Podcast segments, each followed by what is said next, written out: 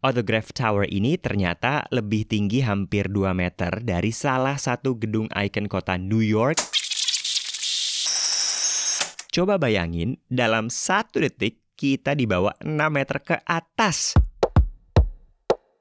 Kalau kamu taunya Jakarta cuma macet, polusi, dan mall aja, well, you gotta listen to this podcast. Welcome to Stories from Jakarta. Kenal Jakarta lewat cerita. Okay, alright. Hai, apa kabar? Selamat datang lagi di podcast Stories from Jakarta barengan sama gue Farid. Beberapa waktu lalu, gue berkesempatan memandu walking tour rute Jalan Tamrin atau yang dulu sempat disebut rute skyscrapers alias pencakar langit. Seorang peserta tour sempat tanya ke gue, ceritanya apa mas? Gedung-gedung doang? Sebenarnya bukan hanya doang sih. Gedung-gedung tinggi di Jakarta punya banyak cerita loh. Tapi gue ngerti sih kenapa dia nanya gitu. Soalnya biasanya kan peserta walking tour itu diceritain sejarah, terutama sejarah yang berhubungan dengan masa kolonialisme ya. Gak kehitung deh berapa rute yang pasti ada hubungannya sama zaman Belanda.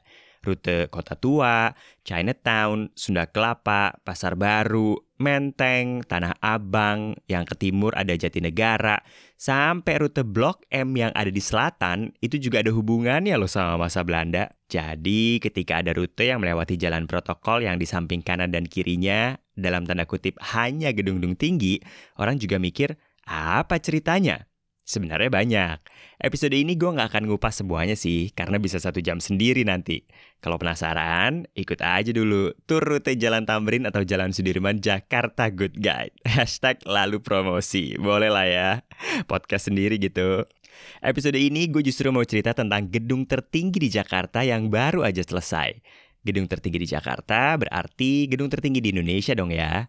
Ketika gue bertanya nih ke peserta tur, gedung tertinggi di Jakarta apa ayo? Kebanyakan jawabannya masih agak melenceng nih. Ada yang bilang Menara BCA, ada yang bilang Hotel Westin, ada juga yang masih bilang Menara BNI 46. Well, nggak sepenuhnya salah sih. Gedung-gedung yang gue sebutin tadi emang masuk ke jajaran top 20 gedung-gedung tertinggi yang ketinggiannya mencapai di atas 200-an meter. Menara BCA itu tingginya 230 meter dengan 56 lantai. Yang bilang Wisma BNI 46 yang di Sudirman pun sebenarnya nggak salah-salah amat. Gedung ini pernah memegang rekor tertinggi di Jakarta ketika selesai dibangun pada tahun 1996 sampai kemudian baru terkalahkan hampir dua dekade kemudian. Lama kan? Jadi wajar kalau orang ingetnya gedung tertinggi itu Wisma BNI 46 yang punya ketinggian 261,9 meter dengan 51 lantai. Nah, pada tahun 2015 ada gedung lain yang mengalahkan tingginya Wisma BNI 46, yaitu Gamma Tower, yang letaknya di Jalan Rasuna Said Kuningan.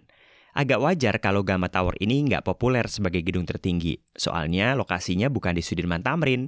Jadi kita nggak bisa lihat perbandingannya dengan gedung-gedung tertinggi lainnya seperti Wisma BNI 46, Menara BCA, ataupun Menara Astra yang sebenarnya adalah gedung tertinggi ketujuh di Jakarta, tepat di bawah Wisma BNI 46 dengan ketinggian 261,5 meter. Menurut situs setiap gedung punya cerita yang sering jadi salah satu acuan bahan nge-guide gue, Gamma Tower atau Menara Gamma dulu sempat dikasih nama Ceminde Tower atau Rasuna Tower.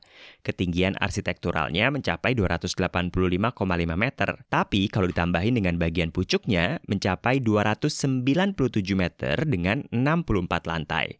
Orang-orang sering nyebut gedung ini dengan Hotel Westin. Gak salah juga sih, karena memang ada plang nama Westin di depannya. Padahal Hotel Westin hanya menempati lantai 45 sampai lantai 64. Nah, Hotel Westin ini kemudian juga yang disebut-sebut sebagai the tallest hotel in Jakarta karena menempati Gamma Tower.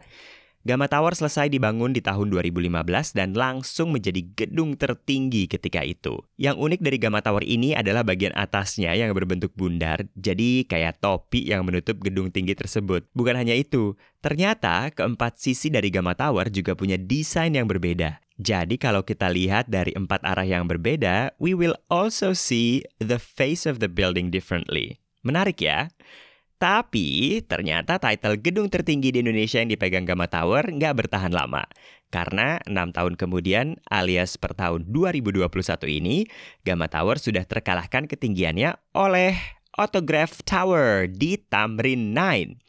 Yes, The tallest building in Jakarta and in Indonesia now is Autograph Tower di Jalan Tamrin dengan ketinggian 382,9 meter dan 75 lantai.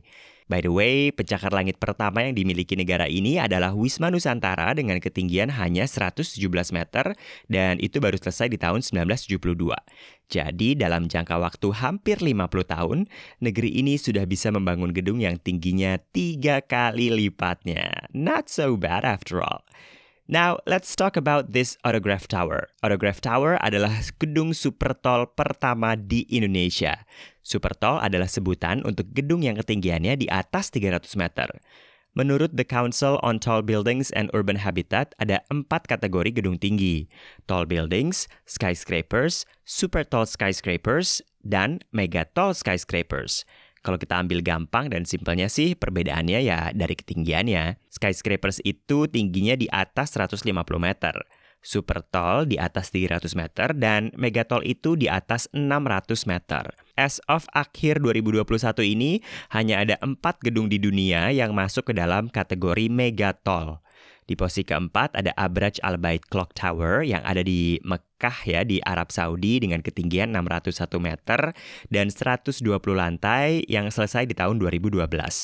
Posisi ketiga ada Shanghai Tower yang ada di Shanghai, China dengan ketinggian 632 meter dan 128 lantai yang selesai di tahun 2015. Nah, di posisi kedua ternyata ada Megatol yang lokasinya nggak jauh dari Jakarta alias di negara tetangga. Nama gedungnya adalah Merdeka 118 yang adanya di Kuala Lumpur, Malaysia dengan ketinggian 679 meter dan 118 lantai. Selesainya sih tahun 2022 ya tapi udah top off per Desember 2021. Top off ini berarti udah tidak mungkin lagi menambah ketinggian ya.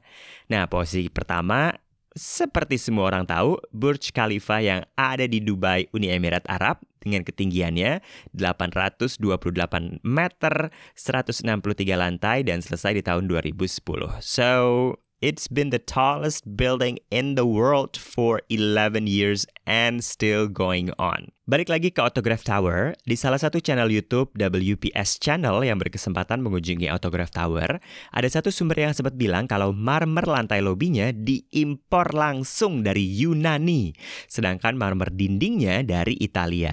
Wih, keren ya.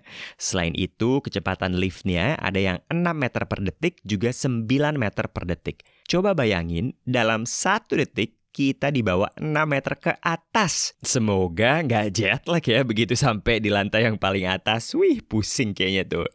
Menurut situs Kompas, Autograph Tower ini didesain oleh firma arsitek kenamaan dari Amerika Serikat, Con Peterson Fox Associates.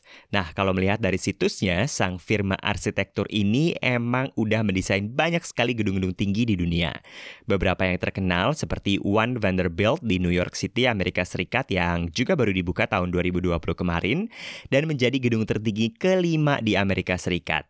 Mereka juga mendesain CTF Finance Center di Guangzhou, China yang menjadi gedung tertinggi ketiga di China dan tertinggi ketujuh di dunia.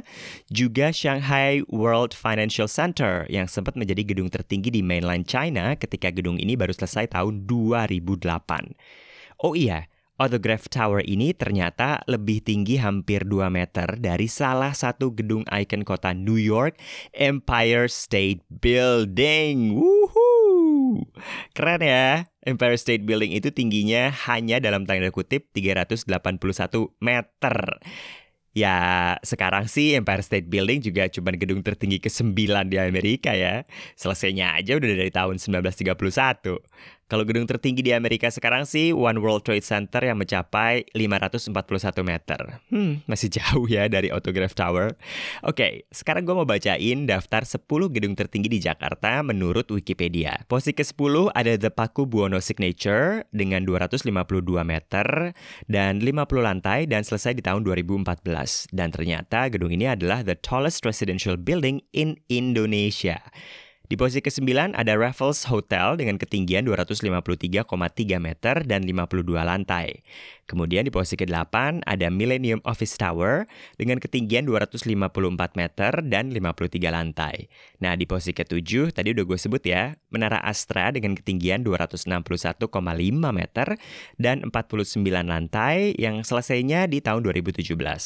Di posisi ke-6 ada Wisma 46 dengan ketinggian 261,9 meter dan 51 lantai dan ini juga menjadi gedung tertua yang ada di top 10 gedung tertinggi di Jakarta karena selesainya udah dari tahun 1996. Kemudian di posisi kelima ada The Jakarta Office Tower yang selesainya di tahun 2021 juga dengan 266 meter ketinggiannya dan 59 lantai. Kemudian di posisi keempat, wah ini lokasinya lagi happening banget nih. Kalau lo suka jalan-jalan ke Asta mungkin sering ngeliat si menara ini yaitu Treasury Tower ya yang ada di District 8 di SCBD dengan 279,5 meter dan 57 lantai yang selesai tahun 2018.